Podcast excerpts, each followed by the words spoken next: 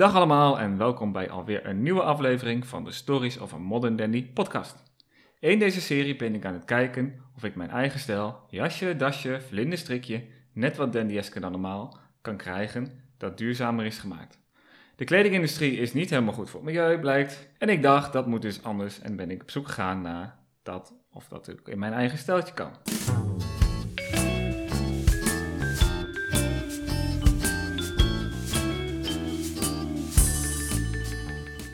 Via stijl, milieukundige analyse van kleding, een uitstapje naar Parijs, ben ik nu aanbeland bij een Nederlandse producent van duurzame kleding.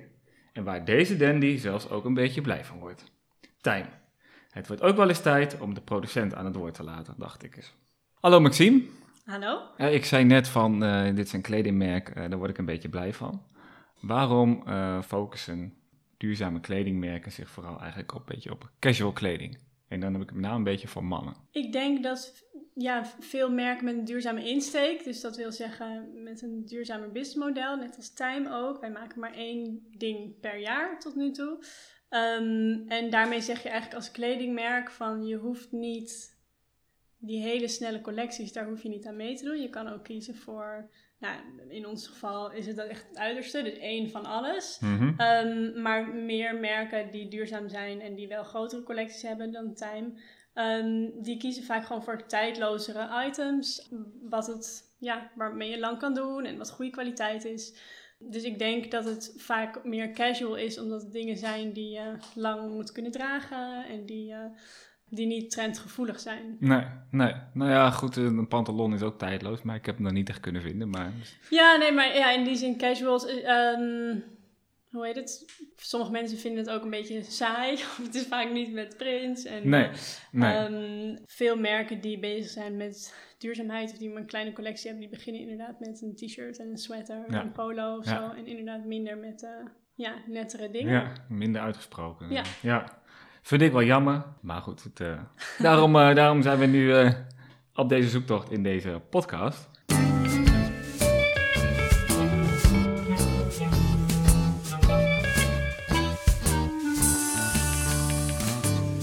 Dus nou ja, goed, ik ben in Amsterdam nu, bij Time, een Nederlands kledingmerk. En achter de microfoon zit Maxime Kartes, oprichter van Time. Maxime, leuk dat je mee wilt werken aan deze podcast. Wie ben je en wat is Time? Um, nou, ik, uh, mijn naam is Maxime Kartens, zoals je net al zei. Ik heb Time vijf jaar geleden opgericht.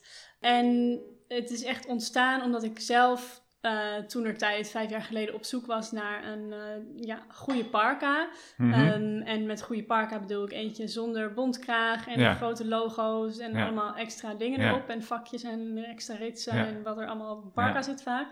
Um, maar gewoon een goede warme jas die um, ja, de winter doorhelpt. Uh, die ook nog mooi is, waarmee je ook naar je werk kan. En die niet meteen 1000 euro is.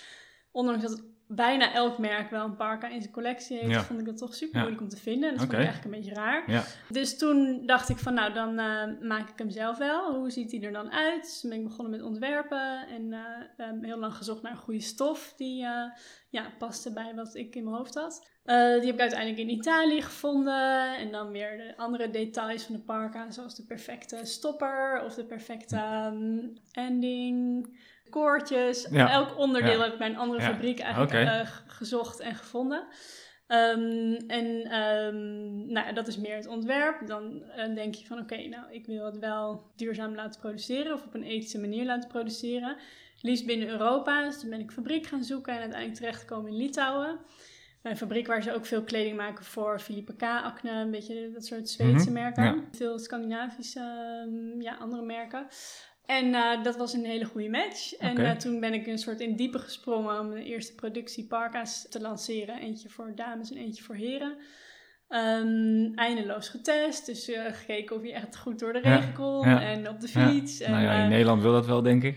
ja, precies. Maar echt eigenlijk een hele praktische manier van ontwerpen. Van oké, nou die capuchon die moet niet afwaaien. En Nee. nou, echt op die manier gekeken van wat moet erop zitten en wat hoeft eigenlijk niet. En eh, nou, de park was best een succes. En daarna ben ik begonnen met andere items toevoegen aan een vaste collectie. Om uiteindelijk een kleine garderobe te maken die tijdloos is en van hoge kwaliteit. En ehm, ja, waar je blij van wordt. Ja, ja waar ik blij van word. ja. Ja, je wilt het wel ook thuisloos doen, dus. Ja, Ja, dat, eh, dat is belangrijk als je maar één maakt. Ja. Dan, eh, dan moet hij niet over vijf jaar een update eh, Nee, nodig hebben of zo. Nee. En je, hebt, je ontwerpt al je kleding zelf? Ja, Heb je ook een, een- achtergrond in kledingontwerp? Of ben je er gewoon zo ook samen met de parka ingestapt? Nee, ik heb op de modeacademie in Arnhem gestudeerd. Ja. Ehm, en ehm, daar een studie afgemaakt en toen bij Karl Lagerfeld gaan werken. Eh, als ontwerper van tassen, schoenen, prints. ja, en dat was in Ehm, Parijs toen. eh, nee, dat was in Amsterdam. Oh, in Amsterdam. Ja. Oké. dat hoort hier bij de Tommy Calvin Klein Group en dat zit ook allemaal hier. Eh, daar wilde ik toen heel graag werken, want dat is natuurlijk een groot merk. Ja, precies. En wat daar wel heel interessant was, zeg maar, ik heb daar superveel geleerd natuurlijk, heel veel internationale Mhm, mensen. mhm. Ehm, maar het is wel, of je nou in high fashion of, ehm, hoe zeg je dat, een lager segment werkt. Het systeem is vooral heel snel, veel collecties, veel eh, extraatjes toevoegen aan dingen die Ja. al bestaan of die Ja, goed lopen of ja. zo. En dat vond ik best frustrerend. En ook dat je niet altijd weet waar dingen worden gemaakt Nee. en of het op een goede manier wordt gemaakt. Eh, en dat er soms helemaal geen tijd is om producten goed uit te testen voordat het op de markt komt. Zodat er dan een hele productie is gemaakt en dat je dan denkt, oh deze zak is eigenlijk te klein of gewoon kleine details. Nee, het is wel grappig dan van een luxe merk, zeg maar. Verlang je wel dat het dan goed getest is, of in ieder geval lang meegaat. Je betaalt er veel Ja. voor. Ja, nou dat is gewoon eh, niet ten nadele eh, van hun uiteraard. Maar dat is gewoon bij veel merken is Ja. er gewoon minder tijd. Dus Mhm. dan ehm, wordt die, alles wordt wel getest, maar niet vijf maanden Nee, of zo, weet nee, je wel. En die luxe heb ik nu, omdat ik juist maar één ding... Daar gaat het riool. We zitten op kantoor in een kelder. Het is, hier, het is buiten 30 graden en het is hier heerlijk fris. Dus ik vind het echt een heel mooi plekje om even een interview te doen. Maar goed, er loopt dus ook een, eh, een rioolleiding door de kelder heen. Dus eh, af en toe hoort u wat water eh, kletteren. Maar dan weet u dan wat het is. Dus ehm, nou ja, die luxe heb je als je maar één ding per jaar maakt. Want Ja. dan kan je dat eindeloos testen en bij je hele familie aantrekken. En ja, pas lanceren als het echt goed is. Ja. Maar dan, het verschil tussen jou en, en jouw merk uiteindelijk en, en een groot merk is, ja, dan heb jij lagere verkopen. En omdat je het langer kan testen met minder producten. Eh, ja, nee, nu uiteraard nog wel, want Ja. ik ben pas vijf jaar bezig. Ja. Dus ik heb nog niet de, de verkoopaantallen van een H&M. Maar dat is ook niet mijn streven. Nee. Ehm, mijn streven is vooral om dingen te maken van echt goede kwaliteit. ehm, zodat mensen ook niet na een jaar terug hoeven te komen om hetzelfde te kopen. Ik wil liever dat ze na een jaar terugkomen en zeggen van nou ik ben zo blij met deze blauwe trui. Ik wil hem ook in het zwart. Ja, precies. ja. Eh, en dat gebeurt ook heel vaak. Dus dat is wel een heel groot compliment dat eigenlijk de producten zichzelf nu verkopen. En niet het soort van hele marketingmachine eromheen. Die, eh, Nee, ja, die heeft een merk als ik niet nodig. nee, precies. Want heb je al ook al, want je bent nu vijf jaar bezig, zei je, de, de parka's die je in het begin liet maken, die dragen mensen nog steeds dan. Ja, Ja? Ja, dus dat is echt heel leuk. Eh, ik, ik heb mijn eigen parka nu ook eh, vier jaar aan, vier winters aangehad. Ja, het leuke is, de stof blijft gewoon heel mooi. Eh, en het is een product wat je draagt. Dus ik zeg niet dat hij, als je hem tien winters fulltime als enige jas draagt... Ja, dan kan het wel zijn dat de Mhm. voering op een gegeven moment een beetje gaat slijten Ja, of zo. Maar ja. gewoon, als je dat op een rationele manier bekijkt, is het alsnog eh, heel duurzaam om één jas te kopen waar je echt lang mee Ja. kan doen. Precies. In plaats van vijf die of net niet perfect zijn, of net niet uh, helemaal waterafstotend zijn. Ja, precies. En dan ga je op een gegeven moment, eh, dan, eh, nou weet je, hij zit niet lekker meer, dus ik hang hem maar in de kast hangen en dan doe je hem niet meer aan. Ja, nou al is dat een helemaal, eh, weet ik veel, afbreekbare jas of van gerecycled materiaal. Als je iets niet draagt, is het ook niet duurzaam. En dat is ook de gedachte van Time, dat eh, duurzaamheid niet alleen in de, in de stoffen zit, maar ook in het ontwerp en in het businessmodel Ja, en uh, ja, ja. in alles eromheen. Waar komt de naam eigenlijk vandaan? Uh, ja, die uh, heb ik bedacht. dat is verder geen, uh, okay, geen diepzinnige betekenis. nee, ik wilde een korte naam die Mhm. internationaal ook klonk. En toen heb ik Tijn bedacht. En omdat het ook geen woord is of naam is, zijn we heel goed vindbaar online. Ja, en, dat ja is fijn. precies. Ja, ja. Vanochtend nog even kijken waar ik moest zijn. Dus ik typ time in en precies. Ja. Time. ja. Komt bovenaan. Dat is wel inderdaad wel makkelijk. Ja. En maar buitenlandse Engelsen kunnen het ook redelijk goed uitspreken. Ja, uh, Engels wordt vaak time. Oh, time, ja. Maar het lijkt erop. Ja. Dus, ja. ja. nou ja, de, marketingtechnisch natuurlijk wel, uh, wel goed. Ja. En ehm ah, jullie zeggen van een duurzaam merk. Waar, waar zit de duurzaamheid zeg maar, in de productie van, eh, van jullie kleding? Ik denk, ik zou zeggen op één de kwaliteit. We werken alleen met materialen die gewoon echt lang mooi blijven. En dat is een hele duurzame keuze. en dus ook lang getest zijn uiteindelijk? Ja, precies. En ehm, ehm, daarnaast kijken we ook wel naar de resources natuurlijk. Dus waar de materialen vandaan komen. Ehm, of het op een ehm, ja, biologische manier geteeld is. Ehm, maar voor de parka's werken is de parka is echt gemaakt van nylon. Nou, dat is natuurlijk geen natuurlijk materiaal. Nee. Eh, maar ik vond het alsnog de meest duurzame keuze voor een parka. Omdat het gewoon heel... Ja, dat blijft gewoon altijd mooi. Het is goed waterafstotend. Nou, wat ik net ook heb verteld. Ehm, dus dat was voor mij uiteindelijk een duurzamere keuze... dan een parka maken van bijvoorbeeld katoen. Ehm, Want, want waarom is dat nylon beter dan katoen? Eh, door de, in het geval van deze parka, ehm, heb ik gekozen voor nylon omdat het langer, ja, langer zijn kleur behoudt, langer mooi Mhm. blijft, ehm, beter waterafstotend is.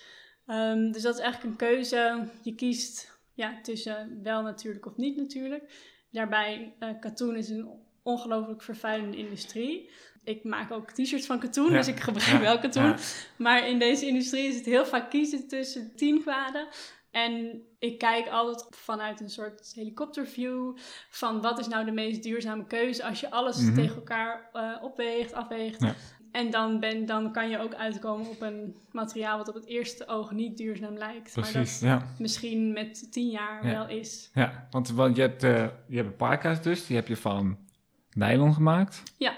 T-shirtjes, die je net gelanceerd hebt geloof ik. Ja, en joggingpak, dus die komen allebei uit een fabriek in Portugal. En die worden van organic cotton gemaakt. Ik doen? Ja. En, ehm, en dan hebben we een merino wollen trui. En eh, die wordt van merino wol gemaakt. En de meeste merino wol komt uit Australië en Nieuw-Zeeland. En eh, op deze wol zit een eh, certificaat van Woolmark. En die zorgt er onder andere voor dat, dat het dierenwelzijn goed is. Mhm. En met merino wol is het ook een goede om te weten dat hoe goedkoper, hoe goedkoper de merino wol, ehm, hoe lager de kwaliteit. Dat eh, is ook iets wat logisch is. Maar ehm, ja, als je hoge kwaliteit merino wol hebt van echt gezonde schapen, die hebben dan langere haren waar ze ja, betere garens van kunnen maken, wat minder snel gaat pillen. Mhm. Ehm, dus als je een merino wollen truitje ergens ziet van 30 euro, dan weet je eigenlijk al dat dat niet echt kan. Nee, nee, want ik mijn volgende vraag is van waarom ehm, is een tijmtrui bijvoorbeeld duurzamer dan, of beter misschien, dan het eh, truitje wat ik voor 50 euro bij een bekende kledingmerk heb gekocht, die in iedere winkelstraat wel te vinden is. Ja, nee, dat is gewoon een verschil in een aantal dingen natuurlijk. Ik bedoel, de werkomstandigheden zijn bij veel eh, grote merken die inderdaad truien maken van eh, onder de 50 euro of zelfs onder de 30. Ehm, die zijn, ondanks dat ze daar wel iets aan proberen te doen, zijn vaak gewoon heel erbarmelijk. Mhm. In Bangladesh, Mhm. eh, vaak kinderarbeid, als Ja. het door wordt gegeven aan derden. Dus dan hebben ze een contract met een fabriek en die, die heeft alles voor, goed voor elkaar. Maar er staat zoveel druk op die fabrieken dat ze het doorgeven aan derden. En dat is vaak waar het misgaat en dat Mhm. er toch kinderarbeid in zit. Plus als je, als je doel is zo groot mogelijke marges, zoveel mogelijk verkopen. Dan maak je bijna nooit, of, nou die merken die maken nooit de keuze voor de beste kwaliteit. Die gaan Nee. altijd voor de beste deal. Dus Precies. dan, eh, ja, daar eh, betaal je dan ook voor. Ja. Dus je betaalt minder, maar je krijgt ook echt Je minder. krijgt ook minder. Ja, ik merk het aan mijn trui ook. Tijd voor een nieuwe. Want, ja, want, want je zegt ook, ze worden in Nepal en Bangladesh gemaakt. Het verhaal ken je natuurlijk ook wel. En Rana Plaza, het gebouw wat dus ingestort is met al die werksen. Ja, En waar, waar laten jullie de kleding, laat jij tijdens de kleding maken? Eh, nou allemaal in Europa. Eh, Litouwen, Italië, Portugal, Roemenië. Dus ja, binnen Europa. Ehm, ik kijk wel ook naar wat betaalbaar is voor ons. Dus ik laat het niet in Nederland hier op de hoek bij een atelier maken. Want dan zou de kleding onbetaalbaar worden. Mhm. En ik wil wel op een prijspunt zitten dat je wel iets duurzaams kiest. Maar dat je echt niet eh, een jaar hoeft te sparen Nee. om iets te kopen. Nee. Eh, daarvoor hebben we er ook voor gekozen om alleen zelf te verkopen via pop-ups en via onze webshop. Dat scheelt de helft van de prijs in de Mhm. marge. Ja. Ehm, dus daardoor is die keuze ook gemaakt. Ehm, maar we, eh, ja, ik probeer bij het zoeken naar een nieuwe fabriek altijd een fabriek te vinden waar ze nou ja, waar de communicatie goed is, waar ik langs mag komen. Ja, ja. Ehm, dat, is, dat klinkt heel logisch, maar dat is echt eh, best wel moeilijk om te vinden. Dus fabrieken die zeggen, oh je mag langskomen wanneer je wilt, je bent altijd welkom. Die hebben niks te verbergen, Nee. maar die, eh, eh, ja, dat is wel goed zoeken. Ja, ja want je gaat dan regelmatig de fabrieken bezoeken. Of, Ja, ja dus bij elke productie ehm, en sowieso bij het zoeken naar een nieuwe fabriek ga ik meestal langs een paar fabrieken om te kijken wat de verschillen zijn en wat, ze, wat voor andere merken ze doen en of de kwaliteit een beetje overeenkomt. Mhm. En eh, bijvoorbeeld toen ik naar Roemenië ging, nou, dat is toch het land met de laagste lonen van Europa, als ik het goed zeg.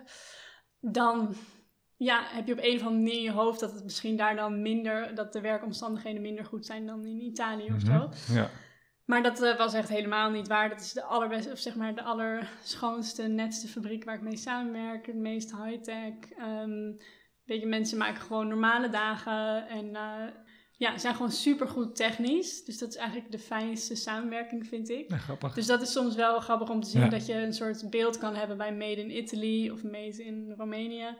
En dat dat dan toch wel ver afstaat van, Ja, eh, ja, hoe oké. dat dan is. Het is bijzonder om te horen. Ja, Maar eh, hoe vind je die bedrijven dan? Of die, die fabrieken? Heel verschillend. Soms via via, soms googelen, soms raden ze elkaar aan. Dat gebeurt niet zo heel vaak, maar dat kan. Eh, als ze bijvoorbeeld niet een bepaalde expertise hebben. Ja, precies. Probeer wel Ja. te zoeken naar bedrijven die echt bijvoorbeeld alleen de, fa- de jassenfabriek in Litouwen. Die doet ook alleen outerwear en veel meer parka's en een beetje technischere dingen. Ehm, de fabriek waar ik in Portugal mee samenwerk, die doet dan echt jersey, dus sweatshirts, sweatsuits, Mhm. t-shirts, dat soort dingen. Ehm, dus zo probeer ik eigenlijk een fabriek te vinden die ergens gespecialiseerd in is. Eh, en dat kan via een beurs zijn of via internet of via tips van andere Nee, mensen precies, die kledingmerken hebben. Ik heb zelf wel eens gekeken van, nou, eh, waar zitten nou die fabrieken in Portugal? Maar even door googlen kwam ik daar niet uit. eh. Nee, heel veel hebben ook geen websites. Allemaal best Nee. wel een, een, eh, ja, een oud systeem. En veel, heel veel hebben ook ge- gewoon genoeg werk. Dus die hebben ook Nee, niet, eh, die gaan niet adverteren of Nee. zo. Nee. En doen die fabrieken die jij hebt ook meer duurzame dingen? Of, ja, oh ja, die zei het net ook al voor, ehm, in Litouwen doet ook voor, Zweedse, voor de Zweedse merk Philippe Kamer Ja. bijvoorbeeld. Ja, nou die zijn natuurlijk ook heel ook bezig met eh, duurzaamheid en ook met transparantie. Dus om te laten zien van waar ze het maken. Mhm. Ehm, en eh, het is ook wel grappig om te merken dat bij sommige fabrieken, de meeste fabrieken kunnen heel veel gewoon wat de klant vraagt. En eh, ik vraag dan bijvoorbeeld om gerecyclede plastic zakjes waar ze het in versturen. Maar dat, daaraan merk je nog wel dat dat bij de grote merken echt nog helemaal geen ding is. Dat Nee. hebben ze wel en dat Ja. kunnen ze ook leveren. Ja. Dat is ook niet, daar hoef je niet extra voor te betalen als merk of zo. Dat is gewoon eh, hetzelfde. Maar toch is het zoiets van, oh nou, daar vraagt echt niemand naar. Dus Nee. dan merk je soms wel dat duurzaamheid voor grote merken ja, nog best onbelangrijk is. En dat vind ik soms wel shocking, omdat de industrie zo groot is. Ja, ja. Hè, dus de duurzaamheid van time zit in arbeid en het goed kwalitatief materiaal. Ja, En ik vraag me af waarom, zeg maar, wordt er ook merino wol eigenlijk dan hier in Europa geproduceerd of niet? eh, er zijn wel merino schapen ook in Europa, maar ja, eh, het allergrootste deel komt van eh, boeren uit ehm, Australië en Nieuw-Zeeland. En het wordt eh, eh, vaak wel gesponnen in Europa. Dus ik- mijn wol komt dan van origine uit Nieuw-Zeeland, Australië, eh, maar wordt gesponnen in Italië en daar ook geverfd. Mhm. Dus. Maar ja, nee, duurzaamheid zit eigenlijk in het hele plaatje dus van het businessmodel, namelijk maar één garderobe maken en zeggen dat je niet meer nodig hebt. Nee. Tot je rekening houden met mens en milieu, Mhm. niet te veel maken, Ja. focussen op minder en beter. Ja. Ehm, Ja. ja, want een van de, eh, de eh, vorige afleveringen was ik eh, in gesprek met de milieukundige van de Universiteit in Groningen. En nou ja, goed, een van de conclusies van dat gesprek was van nou, ehm, dat, dat, dat je eigenlijk zo min mogelijk kleding moet kopen. Dat dat Ja. eigenlijk het duurzaamste is. Hè? Want, want Ja. katoen, ook biokatoen, heeft nog heel veel water nodig, heeft extra land nodig, omdat heel veel katoen, nou ja, die wordt niet de ongedierte wordt niet bestreden, dus gaat ook katoen dood. Die schapen van, nou ja, goede schapen laten nog steeds scheten. Nou ja, goed, en, en ook de plastic kunststofmateriaal is nou, tijdens het wassen niet, ja. niet heel goed. Ja, de microplastics die allemaal in Ja, dingen komen. precies, en dat geldt ook voor gerecycled polyester bijvoorbeeld. Dus sommige merken die promoten heel erg dat ze met gerecycled polyester werken. Maar als je dat wast, dan komt er net zoveel microplastics van af. Die dan in de oceaan Ja. belanden en die in de vis komen. Ja. En, Ja. Dus dat is best een, een eindeloos verhaal. En inderdaad, uiteindelijk is de meest duurzame oplossing om minder kleding te gaan kopen. Ehm, en ik denk dat als je meer, ik merk dat ook aan mezelf, sinds een aantal jaar koop ik veel minder kleding dan eerst. Mhm. Ehm, en dat betekent niet dat je er altijd heel saai bij moet lopen. Ehm, maar gewoon dat je bewuster koopt. Dus dat je als je, dat je niet iets koopt waarvan je denkt: oh, ik heb een bruiloft, ik heb even een jurk nodig, of een eh, pak of een eh, blouse. Of, Mhm. ik heb even iets nodig. Ja. Zeg maar dat gevoel, daar moeten we echt van af. Ja. Dus je moet alleen dingen kopen waar je verliefd op bent en waar je lang mee kan doen. Ehm, en dat kan iets heel simpels zijn, maar dat kan ook iets heel excentrieks zijn. Als je maar weet waarom je het koopt en weet wat er allemaal achter zit. Dus wat voor reis zo'n Mhm. kledingstuk al heeft Ja. gemaakt voordat het in jouw kast belandt. Ja. ja, maar goed, aan de andere kant, eh, jij bent een commercieel bedrijf. Mhm. Je wilt wel graag zoveel mogelijk parka's, truien, suits verkopen.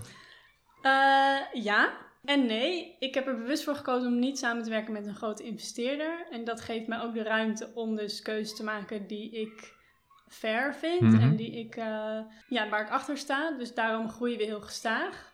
Eh, ik hoef niet 80 winkels in 20 landen en zo, zoveel mogelijk verkopen. Mhm. Ik vind het veel belangrijker om wel impact te hebben, maar dat kan op meer manieren dan ja, op die manier samen te werken met een grote investeerder. Dus ja, natuurlijk, ik ben een merk, dus ik wil niet dat niemand iets hier komt kopen. Ehm, maar het is ook een beetje een missie om de industrie een beetje open te breken. Mhm, En eh, ja. dat meer merken die beginnen zien, oh, zo kan het ook. Ja. Ik hoef niet mee te doen aan dat systeem. Ik kan ook gewoon minder maken. Eh, dat zou al heel fijn zijn als er meer merken dat gaan doen. En ja, als mensen uiteindelijk minder gaan kopen, dan moet de grote industrie wel mee. Dus dat is veel meer winst voor mij zelf Ja, dan ja. als dit eh, veel sneller zou Ja. groeien. En je hoopt natuurlijk dan wel dat als mensen één keer een trui bij je kopen, dat ze de volgende trui ook bij je gaan kopen na vijf, tien jaar. Wanneer de, de ene trui echt ja, op is, dat, zeg maar. de, de en enige gedragen manier is. waar, ja. ja. waar, waarop je dat kan bereiken is gewoon te focussen op de kwaliteit en zorgen dat mensen echt blij zijn als ze hier iets hebben gekocht. En dat is wel heel leuk om, dat, om te zien dat dat ook gebeurt. Ja. Dus eh, ja, working on it. Ja, ja, ja. Nou ja, goed.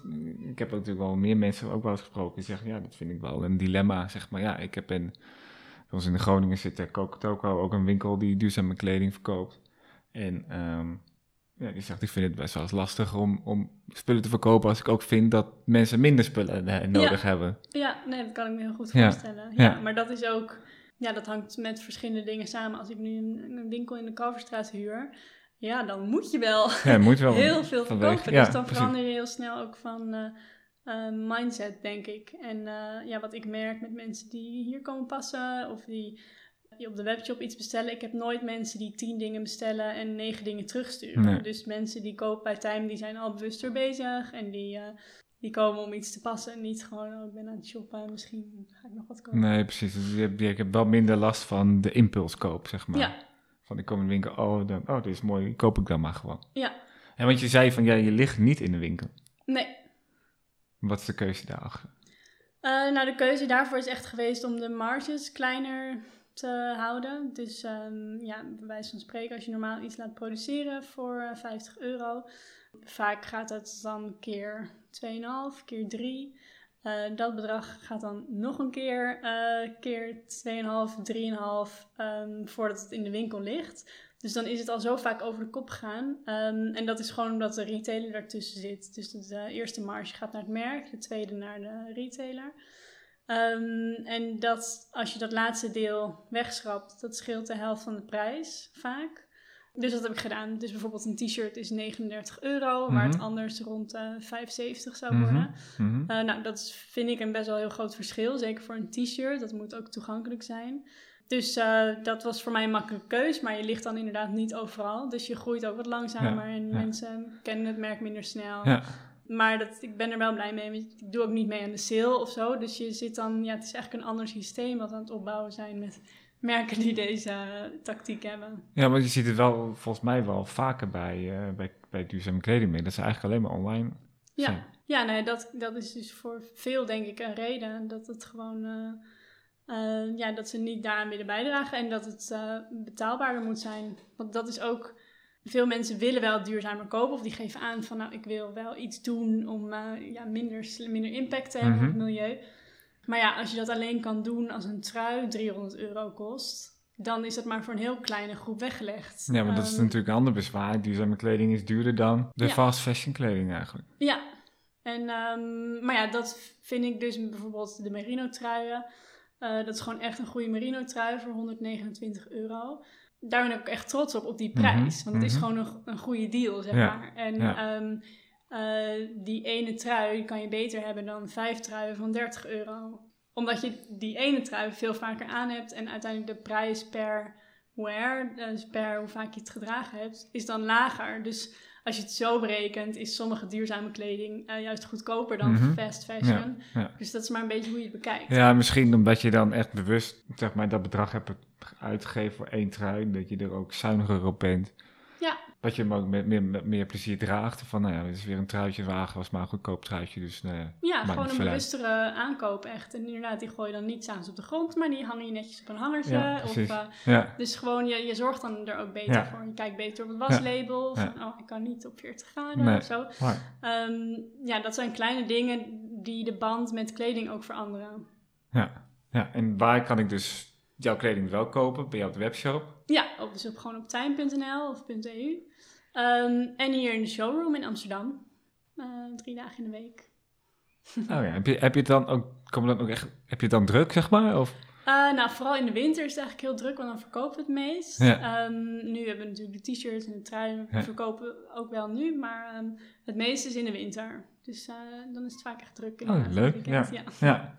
Ja, want we zitten niet echt op een, op een winkellocatie, zeg Nee, maar, in, integendeel. eh, in Amsterdam, Amsterdam-Oost. Bij de Wieboudstraat in de buurt. Dus ja, daar zitten niet echt kledingwinkels. Mensen moeten wel echt hier naartoe willen, willen komen om Ja, het is een te zijn. bestemming en dat is Ja. eh, voor nu ook een bewuste keuze. Vorig jaar en het jaar daarvoor en het jaar daarvoor eh, ook telkens in de winter een pop-up winkel gedaan in het centrum van Mhm. Amsterdam. en eh, daarin merkte ik eigenlijk dat de meeste mensen die kwamen, die kenden ons via online of via een krantenartikel of op een andere manier. Ehm, dus die kwamen heel gericht naar die punten toe. Ehm, dus ik moet het niet hebben van, of Tijn moet het niet hebben van mensen die zomaar langslopen en denken, wat is dit? Ehm, mensen kennen ons meestal al van online en die willen dan gewoon iets komen passen. Ehm, en dit is dan gewoon een, een, ja, een grotere locatie waar we alles op één plek kunnen hebben, dus ook efficiënt. Ja, Ehm, dus en wie weet, eh, als we over een paar jaar wat groter zijn, dat we wel ook een winkeltje in negen straatjes of zo Mhm. hebben. Maar voor nu is het nog niet nodig. nee. En eh, gaat het zo goed. Nou, dat is toch leuk om te horen. Ja, Dan ben je gewoon lek- lekker op weg, zeg maar. ja.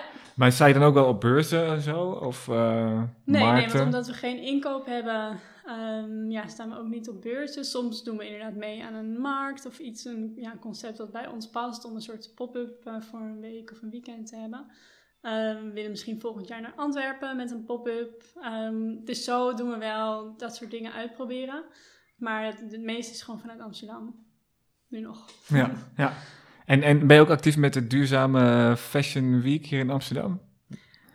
Nu gaan we daar nog niets mee doen. Nee. Ehm, maar wie weet. Ja, wie weet. inderdaad. En eh, nou ja, goed. eh, ehm, sinds een paar weken geleden heb je die, eh, die t-shirtjes gelanceerd, zwart en wit. Ja. Zit er nog meer in de pijpleiding? Ja. Ja, uiteindelijk moet het een kleine garderobe worden. Mhm. Dus nou ja, maximaal 25 items Ja. of zo. Zowel voor mannen als vrouwen. Ja, mannen als vrouwen. En ehm, sommige dingen zijn unisex, zoals de merino trui. En sommige dingen lijken unisex, zoals de parka, maar hebben wel echt een andere fit. Bijvoorbeeld de damesparka is meer getailleerd. Mhm. Eh herenparka is wat rechter, iets korter. Maar wat komt er nog allemaal aan? Nou, de pantalon, waar jij Oh eh, ja, eindelijk. zo benieuwd naar was. Die komt er ook aan. Een blouse komt eraan. Eh we zijn met schoenen bezig. Ehm, de perfecte Chelsea boot, eh, Oh, om precies te zijn. Eh, dus zo, is, ehm, ja, uiteindelijk moet er een wollen jas in de collectie komen. Dus ehm, ja, een pak.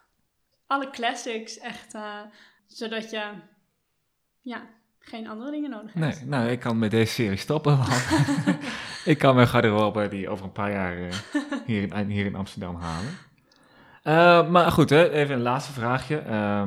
We zijn ook alweer eventjes bezig. Eh, maar goed, hè, dat moet ik nog wel even verwachten. waar kan ik, eh, waar kan ik nu goed terecht? Voor duurzame kleding. Ja, en naam een beetje in het hogere, mijn apartere, Dandy-eske Ja, steltje. Eh, nou, best lastig, denk ik. Want er, zijn, er is niet één website of één verzamelwebsite waar alles op staat. Je hebt bijvoorbeeld wel de website Project CC. Ehm, en je hebt een aantal andere websites waar ze duurzame kledingmerken verzamelen. Ehm, maar soms is dat alleen voor vrouwen. Ja. Of, eh, Heel vaak eigenlijk alleen voor vrouwen. Ehm, ik heb niet per se een, één tip voor één winkel of zo. Maar ik denk wel dat het, een, eh, dat het goed is om te kijken dat als je iets vindt wat je mooi vindt, eh, om te kijken, om verder te vragen, altijd aan een merk te vragen als het niet op de website staat van nou waar is het gemaakt. Mhm. Eh, en gewoon dingen te kopen die je heel mooi vindt. Want vaak als je iets heel mooi vindt, eh, dat, dat maakt het al een, een duurzame keuze. Ja, precies. Terwijl het misschien niet eens van biokatoen is gemaakt. Ja, precies. En ehm, eh, kijk, iets van, de, ja, van een fast fashion keten, ja, dat is vaak niet heel mooi. Want het is niet heel mooi gemaakt, het is niet van heel mooi materiaal. Eh, en zodra je gewoon kiest voor spullen die van goede kwaliteit zijn, dan zit je vaak al in een iets hoger segment, Mhm. eh, Mhm. wat het al duurzamer maakt. Ja. En dan dus doorvragen naar Ja. waar het is gemaakt. ja, dat gaan, we, dat gaan we dan zeker doen. Ja, Ehm, Maxime, hartelijk dank eh, voor je tijd en dat ik hier even mocht komen. En even ja, jij ook hartelijk dank. kijkje in de keuken heb gekregen van zo'n jong, mooi jong Nederlands eh, kledingmerk. Ja, En ehm, dat je de informatie met ons eh, wilde delen. ja, nee, uiteraard. Leuk, dankjewel. Dus ik zou, ehm, als het kan, eh, ik, ik heb ze op dit moment ervan opnemen, staan de podcasts alleen nog op Apple Podcasts en op Soundcloud. Maar ik heb ook de idee om het ook op eh, YouTube te zetten. Dus dan komen er zeker linkjes bij. Mocht dat zo zijn, dat je door kan klikken naar, naar je website. Yes, leuk. En voor de luisteraars, dank voor het luisteren. Volgende keer eh, heb ik iemand eh, op gesprek eh, die zweert bij tweedehands kleding. Ook een vorm van duurzaamheid. Dan gaan we daar dieper op in. Ik ben Ruud van der Meer en eh, ik heet u graag tot de volgende keer en houd u tijd.